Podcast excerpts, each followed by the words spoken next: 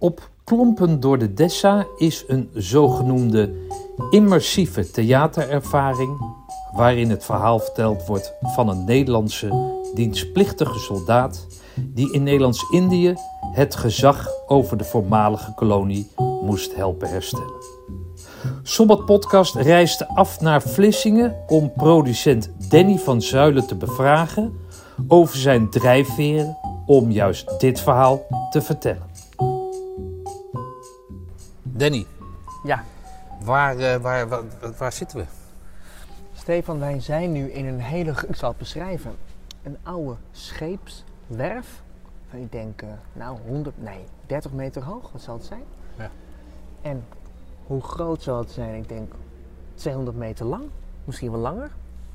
Ja, ik denk ja, 250 meter, zoiets. Hè? Eh, Het is niet zo heel koud, het is wel warm. Hier werden vroeger schepen gebouwd in Vlissingen. Oké. En die werden in elkaar gezet en in elkaar gelast. Hier werkte iets van 4.000, 5.000 man. En die schepen werden dan ook te water gelaten hier op de Oké. kade. Dus het is een soort historische, historische grond waar je op, eh, op zit. Ja, dit is een beetje. Ik kom uit Amsterdam, wij hebben NDSM-terrein. Dit Ja. is eigenlijk een Vlissingse NDSM-terrein. En wat, wat, wat, wat doe jij hier? Nou, wij zijn hier neergestreken met de theaterproductie op Klompen door de Dessa. En wij gaan in deze enorme hal hebben wij ons eigen decor ingezet. Om ehm, ja, een theaterproductie te spelen over Nederlands-Indië. Oké. En een decor van 400 vierkante meter waar je zelf doorheen mag lopen. Dus in plaats van in een theaterzaal zit je altijd in de zaal. En dan zit je op een stoel. En bij mij mag je door het decor heen alles zelf ontdekken. En vandaar dat wij in deze enorme hal zitten. Maar het, omschrijf dat eens. Je, je, je, je loopt er door. Wat, hoe, hoe moet ik dat zien dan? Nou, wij vinden het belangrijk dat je een verhaal vertelt op een theatrale vorm. En een verhaal vertel ik is natuurlijk zintuigelijk. Dus je kan iets zien, je kan iets horen. En daar houdt het vaak bij theater bij op. Maar je kan ook een verhaal vertellen via reuk, of via gevoel, via warmte, via je huid. Oké. En vaak als mensen een herinnering aan iets hebben, dan omschrijven ze ook dat. Ik rook iets. Geur is een hele sterke herinneringsfactor. Hè? Hoe vaak je me niet aan een, vieze sok ruikt en opeens je, je oma herinnert. Nou, dat is een, bij immersief theater maken wij gebruik van die 360 graden beleving ook. Dus we zetten alle... Jij zegt immersief. Ja. Wat, wat, wat betekent dat? Ja, het, het is een Amerikaanse vorm en daar heet het immersive. En als je het in Nederlands vertaalt, heet het onderdompelend. Oké. Dat vind ik zelf niet zo'n mooie vertaling. Dus wij zeggen im- immersief, immersive. Alles hoort erbij. Oké. Dus jij laat mij net dat zien. Ik kom binnen. En dan is er een bepaalde opbouw binnen het verhaal. En dat begint bij de Eerste Kamer. Kan jij even om een beeld te schetsen, om dat even iets duidelijker te maken. Wat is de Eerste Kamer die, die, Ah, ik- die we Ik binnenkomen? zal het je nog moeilijker maken. Oké. Wij hebben het huis nagebouwd van een oud Indiëganger. Daar zijn zes ruimtes in. Dus een badkamer, een slaapkamer, de woonkamer, de werkkamer. En in elke kamer mag je zelf doorheen. Dan mag je in bladeren. Daar staan kasten, daar liggen tijdschriften, fotoalbums, dagboeken. Het bed staat daar. Volledig ingericht. En alles mag je aanraken. Wij zeggen ook tegen het publiek, jongens, raak me aan. Je bent gewend om het niet te doen, maar het is geen museum. Overal kunnen geheimen in verstopt liggen. En elke kamer vertelt een ander verhaal. Een klein deelverhaal. En als je de zes kamers ge- gezien hebt, noem het een collage, dan heb je het hele verhaal gezien. Oké. En elke kamer maakt gebruik van andere elementen. Dus als ik het goed begrijp, schets je dan het verhaal van zijn jeugd in deze dan, van deze man? Ja, van een oud, in, een oud Indiëganger. Ja. Oké, een gemiddelde oud-Indiegang. ja, ja, De- zijn jeugd en de aanloop naar Nederlands-Indië ja, en zijn terugkomst. en zijn terugkomst. Ja. En waar houdt dat dan op, die terugkomst? Eigenlijk op het moment dat, zoals heel veel oud Indiëgangers of Indiëgangers, eh, het moment dat ze geen werk meer konden krijgen. Hm. was beloofd door de regering dat nou, als je terugkomt is er werk. En dat was er gewoon vaak niet. Door een veranderende maatschappij, veranderende houding van het publiek jegens de Indië-kwestie. Ehm, daar stopt ons verhaal. Oké, En het begint echt bij zijn oproep. oké, de oproep ook. En het verhaal speelt zich af vanuit 2021. Dus we blikken vanaf nu met een oud Indiëganger terug op hoe hij dat beleefd heeft. En omdat wij een collagevoorstelling hebben gemaakt, kunnen we ook elementen gebruiken uit de jaren 60 en 70. Dan zou ik het verhaal af laten spelen in, nou, noem het op, 1952. Dan kan ik de, hetgeen wat daarna gebeurd is niet gebruiken in de voorstelling. Oké. En voor ons, maar voor mij als maker, maar dus niet, moet je goed snappen, dus niet voor het personage, maar voor mij als maker, speelt wat daarna gebeurd is in de samenleving ook nog mee. Dus in de ervaring zit bijvoorbeeld het verhaal van Joop Huting, wat in de Indië-kwestie een enorm schakelpunt is geweest. Wat je ook van zijn uitspraken vindt, maar dat is in 1969 een enorm kantelpunt geweest. Moet je even zeggen wie Joop Huting is? Joop Huting was een Indië-veteraan die in 1969 bij Vara's Achter het Nieuws als eerste publiekelijk gezegd heeft dat er ja, in Indonesië dingen zijn gebeurd die niet door de beugel konden. Hm. Excessen. En daar is heel veel commentaar op gekomen. Eh, goed, eh, hij heeft steun gehad, hij heeft dingen zijn tegengesproken. En dat is eigenlijk na 20 jaar, eh zeg ik het goed? Ja, na 20 jaar het eerste moment waarop de publieke opinie is nou, niet gaan kantelen, maar waarop er meer nou, vragen zijn gekomen. Waarin veteranen wat durfden te gaan zeggen.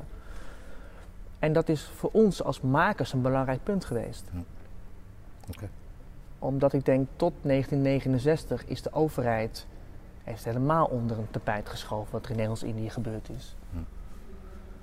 En in de ervaring, we, zouden, we maken gebruik van de archiefmaterialen. we hebben ook dagboeken erin zitten, fotoalbums. En we werken samen met Beeld en Geluid, het Nationaal Instituut. En we hebben de kopieën in de voorstelling zitten van brieven die zijn ingestuurd in 1969. En dat zijn verschrikkelijke brieven. liggen ze hier. We zitten nu aan de requisietentafel. Dus waar de requisieten worden gemaakt. Nee, ik heb ze hier niet liggen, maar ik wist niet dat die brieven zo heftig waren. Hm. En dat, dat zijn, ze hebben alle brieven bewaard, een stuk of 800 stuks. Die aan de redactie van Vara's Achter het Nieuws zijn gestuurd. En eh, dat zijn brieven die gaan van, ja, we willen meer weten. Het is echt gebeurd. Tot vuile nazi Joop. Het is helemaal niet zo gebeurd, want Verrader. Ja. Kopieën zitten erbij van, van, van Defensie. Het is echt ongelooflijk als je dat ziet. Oké. Ik wist dat niet. Waarom ben jij deze, waarom ben je dit avontuur aangegaan? Ja, nou mijn opa, die heeft in Nederlands-Indië gediend. Die is in oktober 1949 op een van de laatste boten uit Rotterdam naar Indonesië gegaan.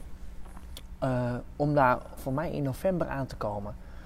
En door, dit door deze voorstelling heb ik veel contact met de archieven. Dus ik heb nou eens gevraagd, joh, kun je dat uitzoeken? En de lichting van mijn opa heet de gewapende toerist. Omdat ze eigenlijk pas op het einde van de kwestie heen gingen. Goeie. Nou, dat zegt me heel veel Ja. over wat daar is gebeurd. En opa is op Java geweest en eigenlijk omdat hij op het einde kwam, in oktober, november, is hij direct naar Nieuw-Guinea doorgestuurd. En daar heeft hij dus ook nog twee jaar gezeten. Eh, dus ik vind het eigenlijk wel leuk dat hij eigenlijk op, in een nieuw hoofdstuk is beland eigenlijk. Hij heeft net op de grens gezeten. Eh, maar zoals heel veel Indiëgangers, mijn opa vertelde daar nooit iets over. En hij had wel een tatoeage op zijn linker onderarm waarop stond Java getatoeëerd. Met een Oh. kris. Oké.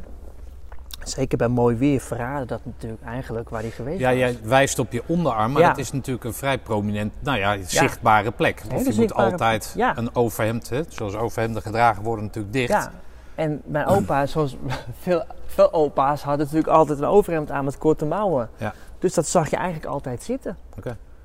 En als je daarna vroeg, dan vertelde hij natuurlijk niets. Ja, hij vertelde hoe mooi weer het was. Maar als je doorvroeg, kreeg je niets te horen.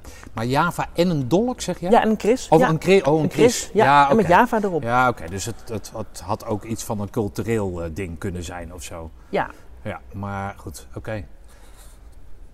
En vertelde hij dan eh, waarom hij er niks over wilde vertellen? Dat zal wel niet natuurlijk. Nee, ja, opa had drie standaard verhalen en die kreeg je elke keer te horen. Hoe warm het was. En hij zat bij de genies. Dus hij vertelde over hoe hij brug had gerepareerd. Hij was timmerman. Oké. En dat hoorde je dan. Heb jij dat ook aan jouw vader gevraagd? Wat was de, de vader van je moeder of van je Van vader? mijn vader. Oké, Die weet zelfs helemaal niets. oké. Die kent ook deze verhalen. Eh, dus eigenlijk zit er in de familie dat verhaal. Maar daar kan je geen theater van maken, want ja, je weet niets. Ja. En toen las ik een aantal jaar geleden het gelijknamige boek Op Klompen door de Dessa van Hielke Speenstra. Ja. Waarin hij twintig Indiëgangers interviewt. En toen dacht ik, die twintig interviews op elkaar, dat is, dat is de voorstelling. Die symboliseren één Indiëganger. Daar gaan we die voorstelling over maken. Oké. En dat is deze voorstelling. Dat, die Hielke die heeft het over Friese jongens gedaan. hè? Ja. Ja. Zit daar nog een verschil tussen? Ja, Tussen Friese en de rest van de provincie? Zeker, wij zijn door dit onderwerp natuurlijk ook dieper in de geschiedenis gedoken. Ik vind het ook belangrijk dat als je iets maakt, dat je kan verantwoorden waarom je keuzes maakt. Dus je moet echt iets over het onderwerp weten. Heb ik ook tegen mijn team gezegd. Je kan niet aan deze productie werken en, en niets van weten. Hm. Ehm, ja, wij kwamen erachter dat natuurlijk de Zeeuwen, waar we nu zijn, een best wel ander Indië-verhaal hebben als de Friese bijvoorbeeld. Oh, is het zo, ja? Ja. Wat dan? Nou, kijk, die Zeeuwen die zijn in, wat is het, oktober, november 45 bevrijd.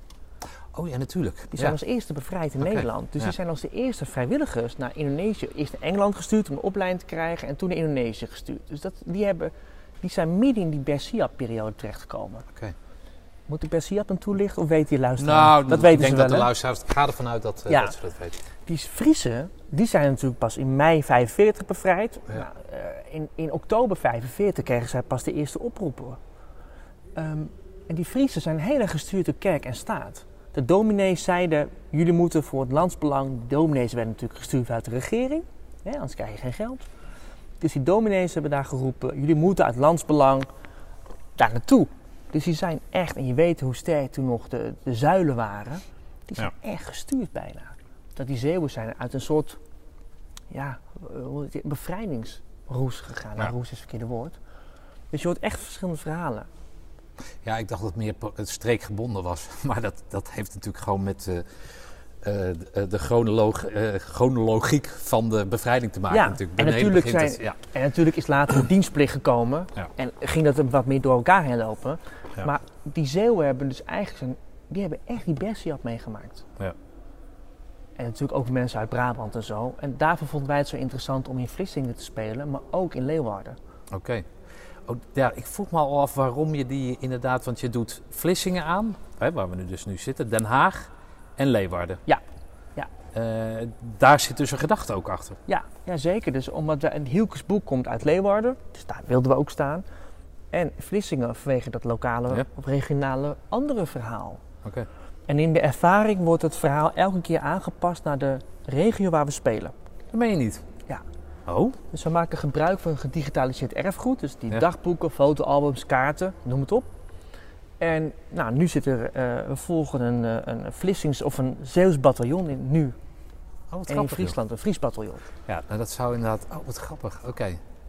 Dus dat boek van Hielke, ben je dat toevallig tegen het lijf geloven? Of was je echt op zoek naar een onderwerp om iets met, Ja, iets met toevallig. in- Indië te, te maken? Toevallig is een goede Nee? titel. Ja, Nog ja. steeds vind ik dat een goede ja titel. nee, het is absoluut een goede titel. Met, des, ja, met opklompen door de Dessa, ja. En ik vind het boek ook niet op alle interviews even goed bijvoorbeeld. Hm. Kijk, Hielke heeft gewoon twintig interviews achter elkaar gezet die goed zijn. En daar heeft hij, heeft hij in volgorde gezet. Maar het is, dat is, is natuurlijk een verhaal, maar het is geen verhaal, het is geen roman. Nee. Dus daar zit geen verhaallijn in, Nee. zoals wij wel hebben. Oké, Dus we hebben het wel moeten hervormen naar een voorstelling. oké. Met Hielkes toestemming natuurlijk. Wat voor mensen lopen hier eh, rond eh, binnen jouw productie? Als makers of gasten? Nee, makers? Wij werken met twee typen makers. We hebben theatermakers en game designers. Omdat wij een ervaring hebben waar je zelf doorheen mag lopen, denkt het publiek dat je daar zelf doorheen mag lopen, maar wij sturen wel. Nou, de gaming-industrie doet dat al jaren. Als je in een computerspel zit, word je ook gestuurd. Dat heb je niet zo in de gaten, maar je loopt door een open wereld, in Zelda bijvoorbeeld. En dan mag je zelf vechten tegen personages. Maar dat is natuurlijk allemaal computergestuurd en bedacht. Hm. En dat hebben wij op theatermaker geplakt. Oh joh.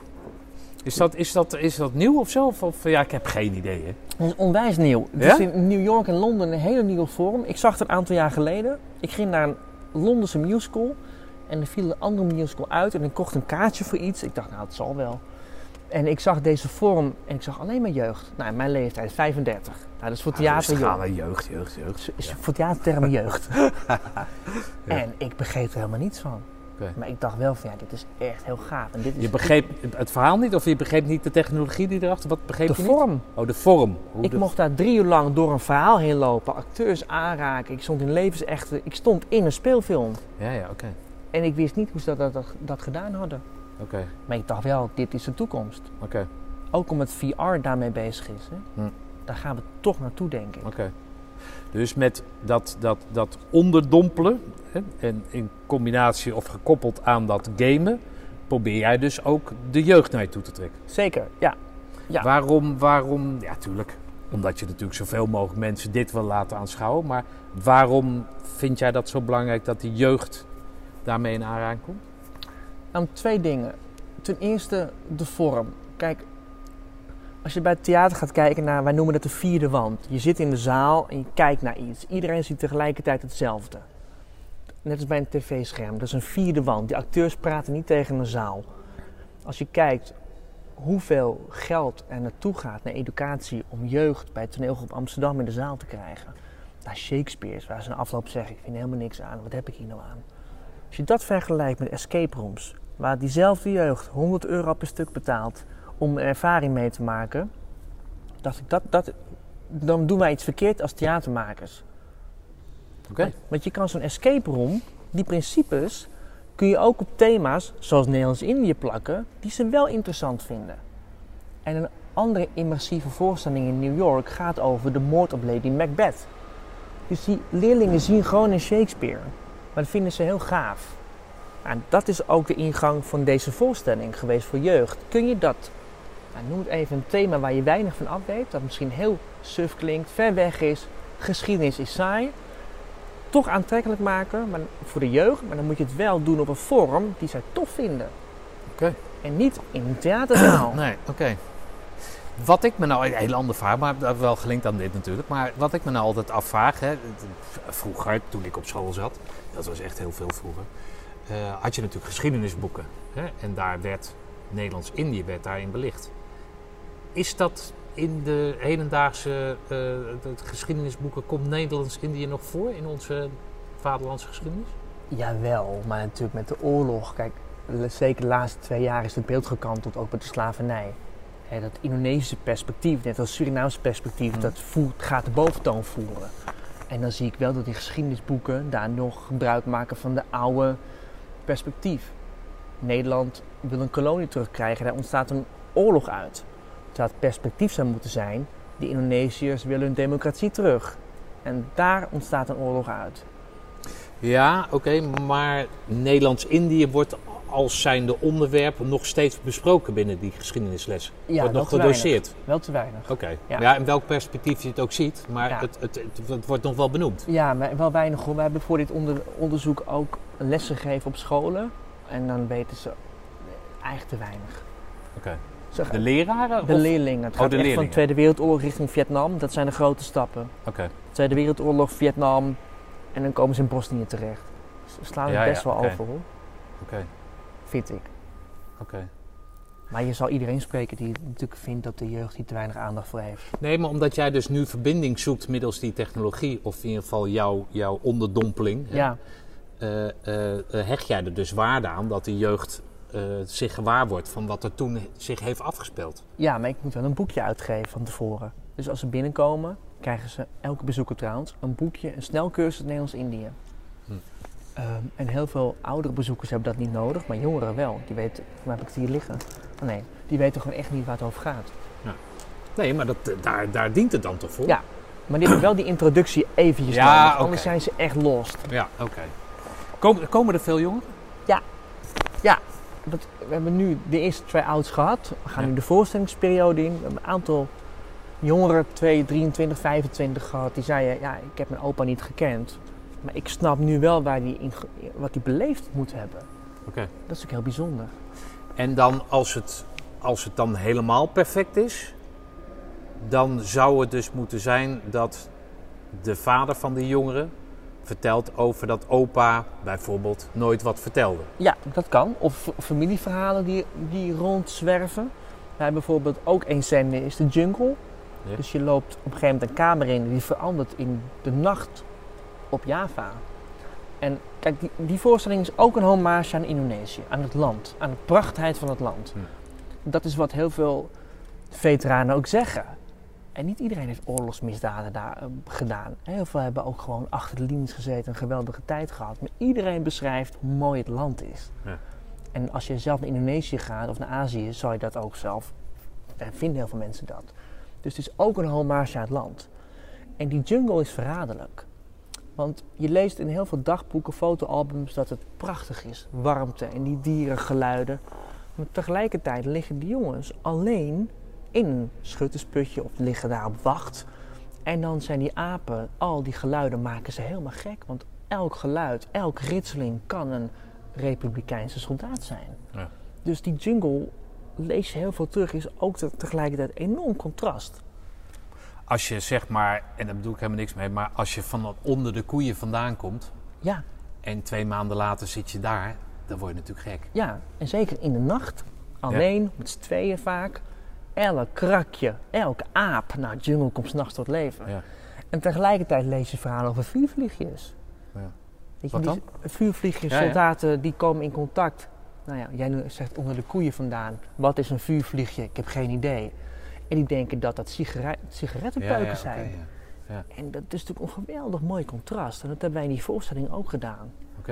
Je komt binnen in de jungle, de hitte. We hebben echt, het wordt echt 32 graden in die Oh ja? ruimte. Ja.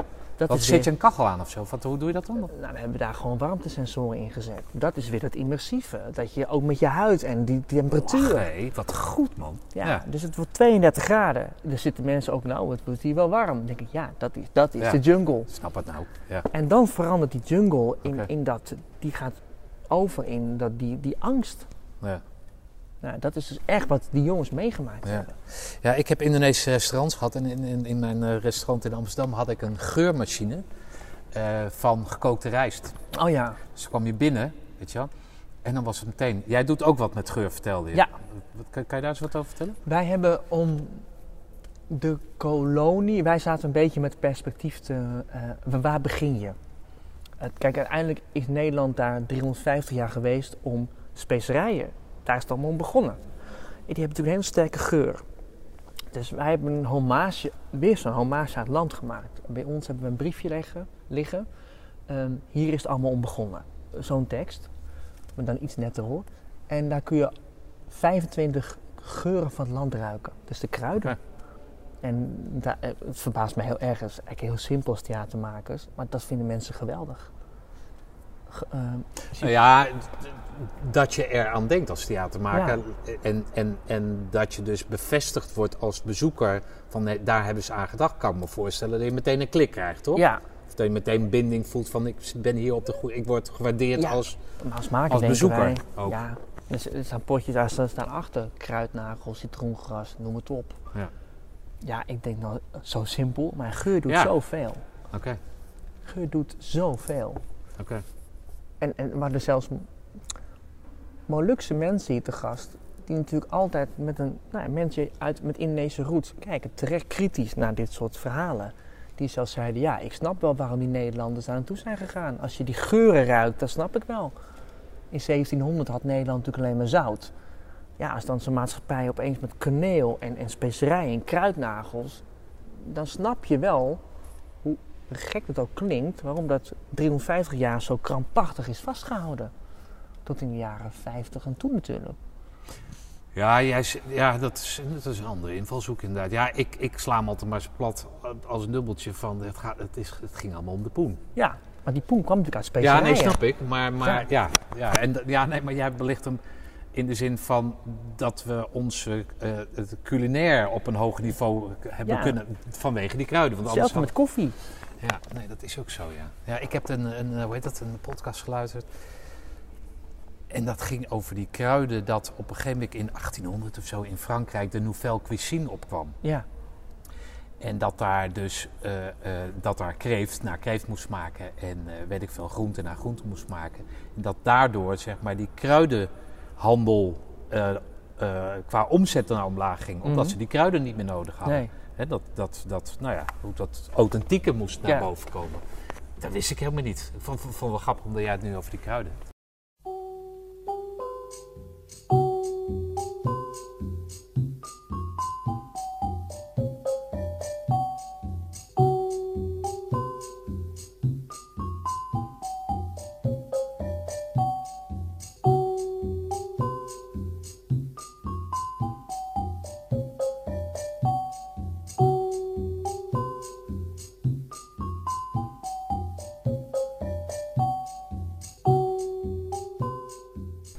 Wat, eh, eh, eh, wat voor mensen krijg jij hier over de vloer? Ja, je bent natuurlijk met die try-outs bezig. Nee, het is heel divers hoor. Zo, zo, eh, we spelen ook voor scholen, dus ik krijg echt, echt 12 jaar over de vloer. Oh, oké.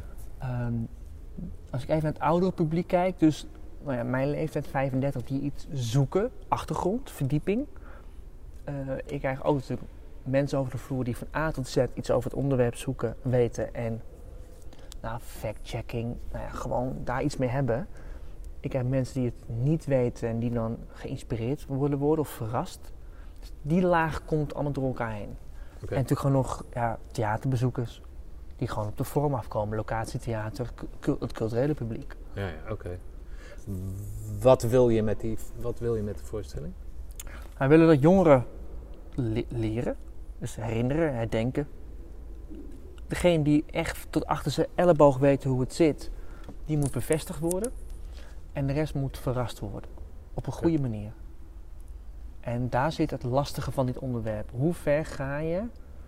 Ehm, je weet dat dit veel publiek trekt. Die, die, die- je gaat hier niet naartoe, denken wij, als je helemaal hier niets van af weet of er geen feeling mee hebt. Dat zal niet de hoofdmoot van mijn... Maar- eh, 80% zal hier iets mee hebben.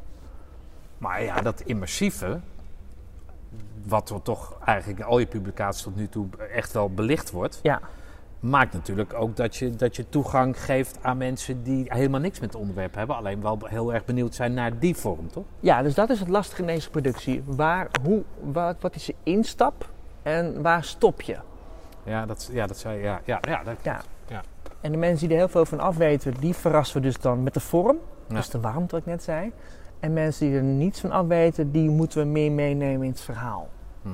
En dat is waar we nu heel erg aan mee testen zijn. Oké. En je hebt nog ruimte binnen je decor en zo en, en qua techniek om dat dan tussentijds aan te passen? Ja, ja, we kunnen elke dag aanpassen. We maken hem elke keer Oh ja? beter. Ja, we gaan ook gesprekken aan de afloop. We hebben ook playtests gehad. Dat zit een voor je try-out. Gaan mensen gratis naar binnen. En de deal is dat ze gratis, het mag allemaal misgaan, maar we gaan de afloop met ze in gesprek. En heel eerlijk, wat vond je goed? Wat snapt hij niet? Nou, die feedback krijg je terug. Dat ga je overdag weer verwerken. En s'avonds ga je op een nieuw publiek dat weer uittesten. En daar laat je dan ook die gamers of die, die, die gamemakers of zo, laat je dan ook mee praten? Dat die Ja. dat meteen kunnen visualiseren? Oh, dan bedoel je dat? Ja, Nou, wij dat- lopen undercover met het publiek mee. Uh, de makers. Dus we komen ook gewoon net als het publiek met de ingang binnen. En doen we net alsof wij publiek zijn. Oké. En gaan wij in de gaten houden wat, wat ze doen, hoe ze reageren. Er hangen ook camera's Dat is in. wel de- confronterend dan. Ja, dat, dat moet Dat natuurlijk is ook. leuk man. Ja, nee, maar heb je dan niet als maker van, eh, hé, dat, dat, dat vond ik juist zo leuk en daar Ja. wordt niet op gereageerd? Ja, het is eh, killing your darlings, Ja. zoals wij zeggen. Ja. ja, noem je dat zo, ja? ja, dat, noem maar, ja je kan, dat is ook het leuke aan mijn vak, denk ik. Dat je, je kan op papier het geweldig bedacht hebben. Ja. En er komt er tien man binnen die allemaal zeggen, ja, ik snap er niks van. Kun je het gaan zitten verdedigen? Ja, Dat wordt nooit goed. oké. We hadden een geweldig idee en dat, dat ging gewoon niet. oké. We hadden een hommage. we- kijk, in de jungle heb je de tokke. En als je zeven. Ja, Ja. Zo'n zo'n zo'n hang ding, Ja. toch? Ja, zo'n groen, is die groen? Ja, slijmerig. Ja, maar het is zo'n zo'n heel groot groen ding die tegen een muur... Is ja, dat... of in je slaapkamer. Oh nee, dat zijn, nee, het zijn juist die kleintjes. kleine salamandertjes. Ja, die kleine salamandertjes die Ja. zo naar boven schieten. Ja, als je op tv kijkt of het opzoekt op YouTube, vind je het altijd hoe die eruit Ja, ziet. je sorry? moet ze in je slaapkamer laten, want ze eten die mugjes op. Ja. Maar als de tokke zeven keer klinkt, dat weet jij, Nee, dat weet ik niet. dat brengt geluk. Ah, oké.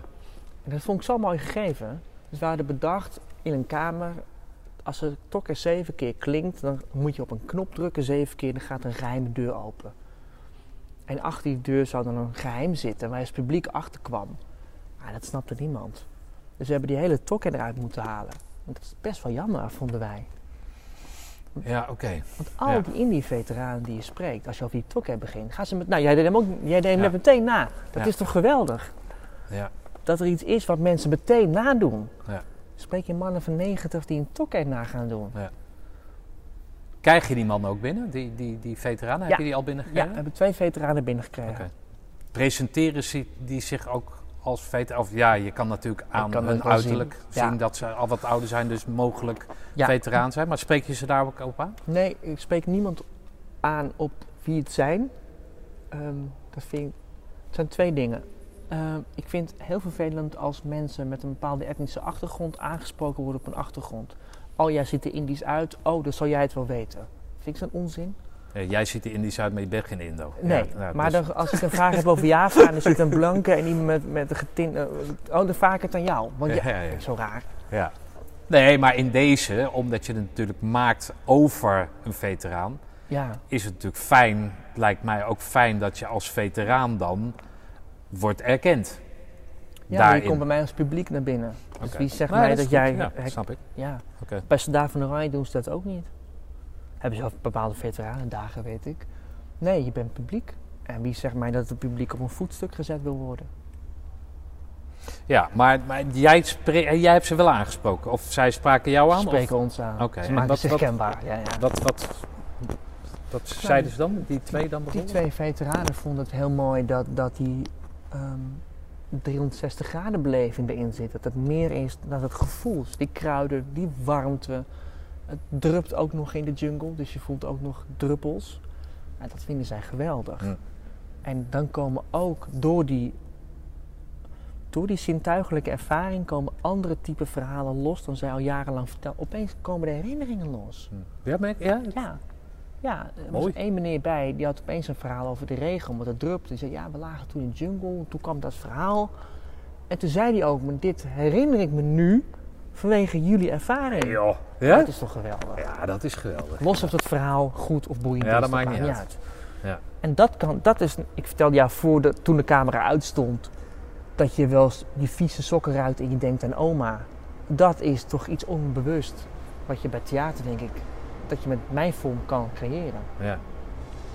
Maar wat ik nou ook zo mooi vind, is dat, hè, ik, beeld me dat zo in, dat die opa, of hè, die, die, die veteraan, laten we hem veteraan noemen, dan met zijn kleinkind of achterkleinkind samenkomt of zo. Ja. Hè, weet ik veel, of wat voor manier dan ook.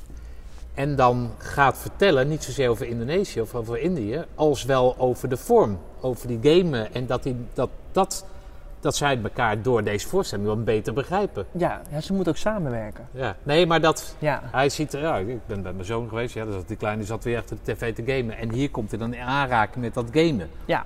Hè, dat, dat is ja toch het mooi? is echt een andere vorm. Je moet Ja. actief. Kijk, als jij een, een bezoeker bent die wil blijven zitten op een stoel, is dit niet jouw vorm.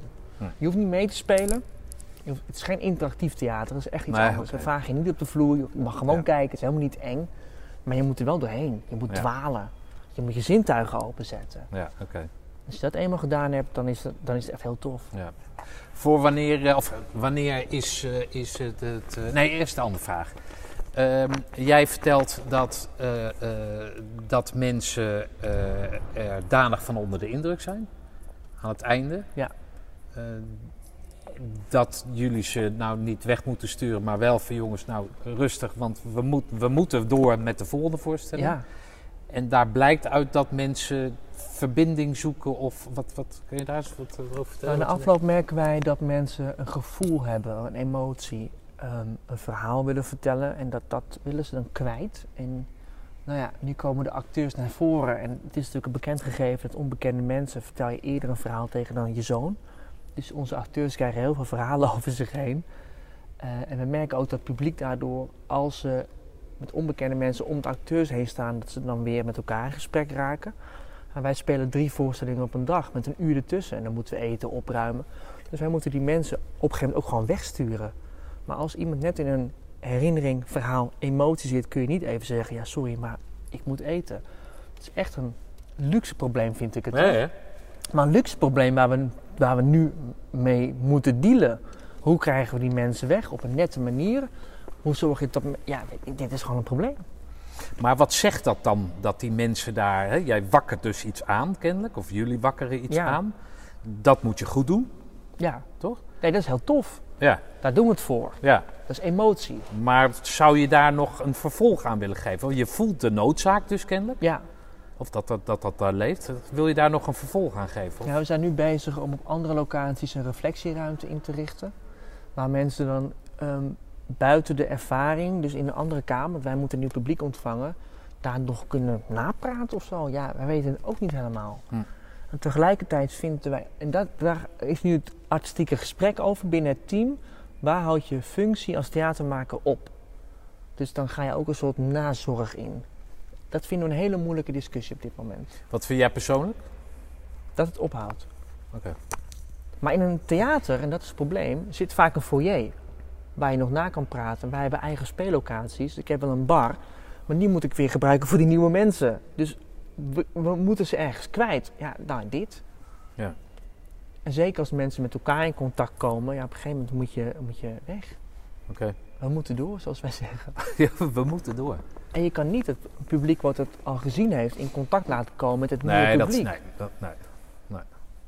Wanneer is het, eh, wat, moet er gebeuren eh, voordat jij zegt het, het is geslaagd? Eh, nou, die emotie dus dat mensen... je weet wat ik zo erg vind, Stefan. Dan gaan mensen naar een film toe. En dan komen ze die bioscoop uit en dan zeggen ze... Nou, we gaan patat eten. Dan denk ik, nou, was blijkbaar een slechte film.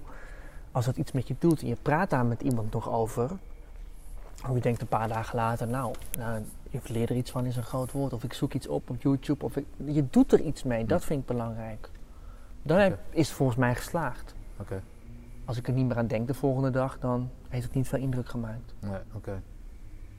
Jij had het over lespakketten? Ja. Wat, wat beogen jullie daarmee? Nou, we beogen natuurlijk ook om deze, dit, deze ge- geschiedenis bij een jonge generatie bekend te laten raken. Dus dan heb ik het echt over eh, MBO's, 12 jaar en ouder, 12 tot 16, 17 jaar. Eh, we werken samen met een Hu- Human, met het Indisch Herinneringscentrum. We hebben sowieso 15 partners aan dit project gekoppeld.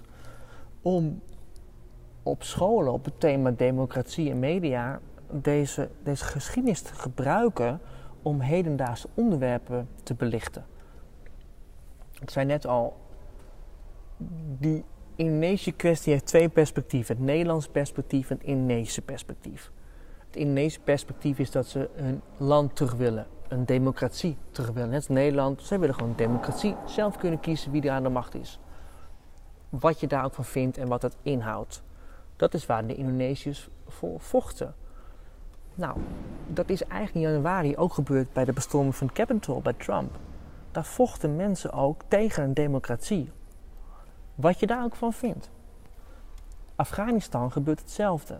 Dan kun je van Afghanistan zeggen, is dan de democratie die nu aan de macht komt de juiste? Maar daar gaan oorlogen vaak over. En dat helpt. Het is wel makkelijker uitleggen waar Nederlands-Indië om ging, nu die voorbeelden zo dichtbij raken. Want dat zien jongeren nu op het nieuws.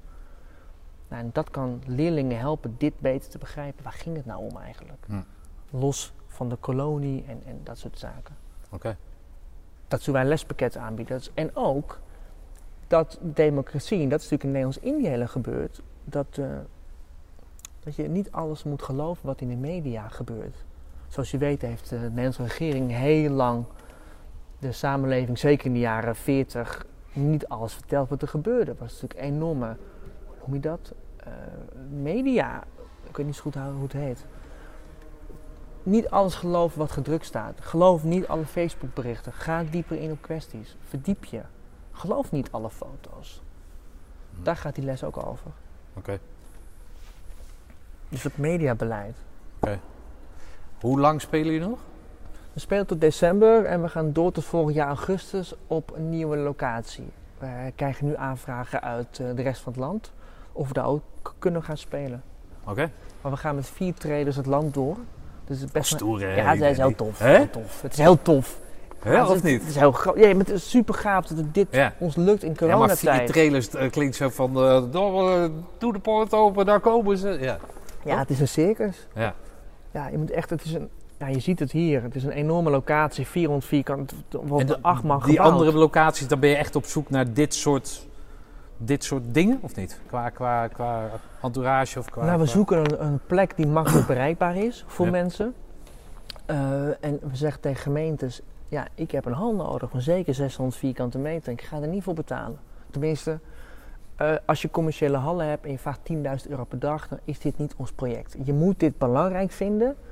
En we hebben provinciale aandacht, we werken samen met provinciale archieven, maar ook erfgoedinstellingen, musea.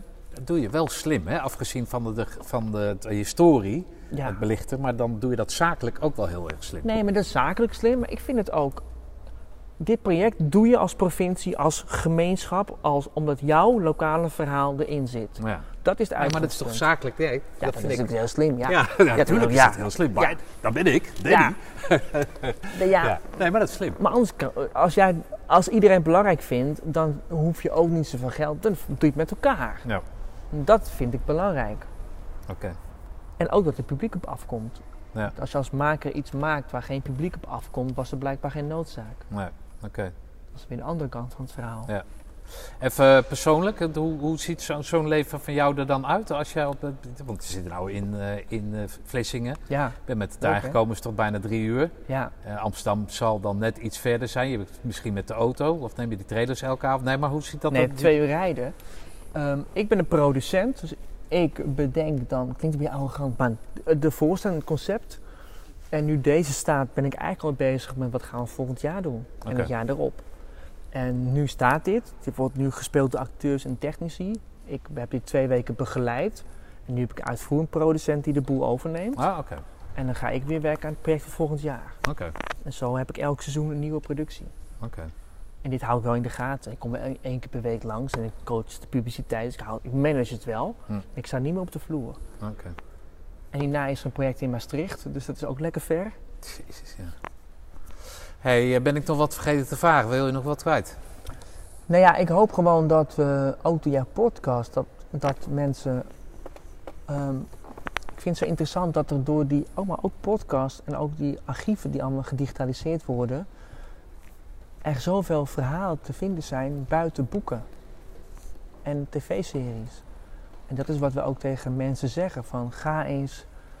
Al die archieven zijn nu gedigitaliseerd, of allemaal, heel veel. Er is zoveel rijk materiaal. En wij weten daar nu heel goed de weg in. En ik heb publiek die dan zegt, ja, ik wil mijn opa opzoeken. Ik zeg, maar dat was vijf jaar geleden heel moeilijk. Maar nu, als je naar netwerkoorlogsbronnen.nl gaat en je toetst je opa's naam in, krijg je hele lijsten, joh. Hm. Dat vind ik wel leuk om aan je luisteraars van ga op zoek naar... ver- Verhalen zitten ook in andere zaken, in dagboeken bijvoorbeeld. Die nu allemaal digitaal zijn opeens. Ja. En zelfs gaat het nog verder, hè. We zijn nu met de VOC-archieven bezig om elk woord in die, in die dagboeken te taggen. Zodat als je die woorden zoekt, dat je ook weer door kan zoeken. Ongelooflijk, hè? Ja joh, dat is echt... We hebben hier de kaart van Java liggen. Ja. Als je nu die namen intoetst, waarvan je nog nooit gehoord hebt... dan kun je via die tags kun je allemaal dagboekfragmenten vinden van soldaten... die in die dagboek hebben geschreven, ik was daar. En in het geval van mijn opa kan ik zijn geschiedenis weer vinden. Want ik heb zijn stamkaart opgevraagd, dus ik weet waar hij geweest is, met welk bataljon. En dan zoek ik eigenlijk gewoon kameraden die daar geweest zijn, die getagd zijn. En dan kan ik zijn verhaal via die kameraden toch vertellen. Dus ook als je niks hebt tegenwoordig, kun je heel veel vinden. Hm. Nou, dat vind ik leuk. Mooi, man. Ik, mijn opa is bijvoorbeeld in oktober 49 daar naartoe gegaan. Van Rotterdam. Nou, dan zeg je oktober, oké, dat, dat, dat is de, je denkt het verhaal. Maar je kan er uitzoeken met welk schip hij geweest is. Nou, dan weet ik even de naam van het schip niet meer. Maar zoveel gingen er niet. Dus op een gegeven moment, nou, dan zeg je die datum uit Rotterdam vertrokken. Dan was dat schipnaam met die datum verbonden aan het archief van de katholieke illustratie. Misschien ken je dat nog? Nee. Dat waren van die grote, nou, de voorloper van de panorama. En daar stond een artikel in over dat schip. En daar Nee, stonden foto's bij van mannen die aan het inschepen waren. Nou, zal ik niet meteen zeggen, mijn opa stond op die foto. Ja, maar Opeens heb je beeld. Ja. Dus de zin, mijn opa vertrok uit Rotterdam, heeft nu wel een beeld gekregen. Nou, want ik wist welk schip het was, kon ik ook in de polygoonjournalen weer vinden of er opnames van waren. Nee, zo, dat kan tegenwoordig allemaal. Ja. Maar jij wil dan zeggen, want ik, nou, ik vertelde je dat ik wat contact heb met wat mensen die, die op zoek zijn naar, nou ja, goed, dat weet ze zelf dan ook zo 1, 2, 3 niet. Jij maakt deze productie, dus dan kan je erin duiken en jij kent de, de, de wegen. Ja. Maar jij zegt dus dat dat voor iedereen Ja. zomaar met een beetje digitale vaardigheid kan Ja. je dat zomaar opzoeken. Maar dan ga ik dat even in de show notes erbij zetten, want dat vind ik, het is wel waardevol voor dat soort mensen dan inderdaad. ja Delper ken je misschien wel, een krantarchief wat nu helemaal gedigitaliseerd is. Je hebt geheugen van Nederland.nl. En deze kaarten die hier zitten, hier zit een kaart van Nederlands-Indië, die hebben uit de archieven. Oké. Hey Danny, leuk. Ja, leuk. Ja, leuk dat kijken. ik. eh, ja, ik ga, ik ga wil, eh, in eh, Leeuwarden wil ik, gaan komen kijken. In Jouwert. Ja, want ik ben, ik ben erg niet. Ik, ik wens jou en, en jullie team veel succes. Dankjewel. En nou, we hebben contact. Graag gedaan. Maar leuk. Dank voor je verhaal, Danny. Bij het verschijnen van deze aflevering van de Sobbat podcast heeft op Klompen door de Dessa Vlissingen reeds verlaten. In oktober wordt Leeuwarden aangedaan om vervolgens door te reizen naar Den Haag. Raadpleeg de website op klompendoordedessa.nl voor de overige speelperiodes en verdere informatie.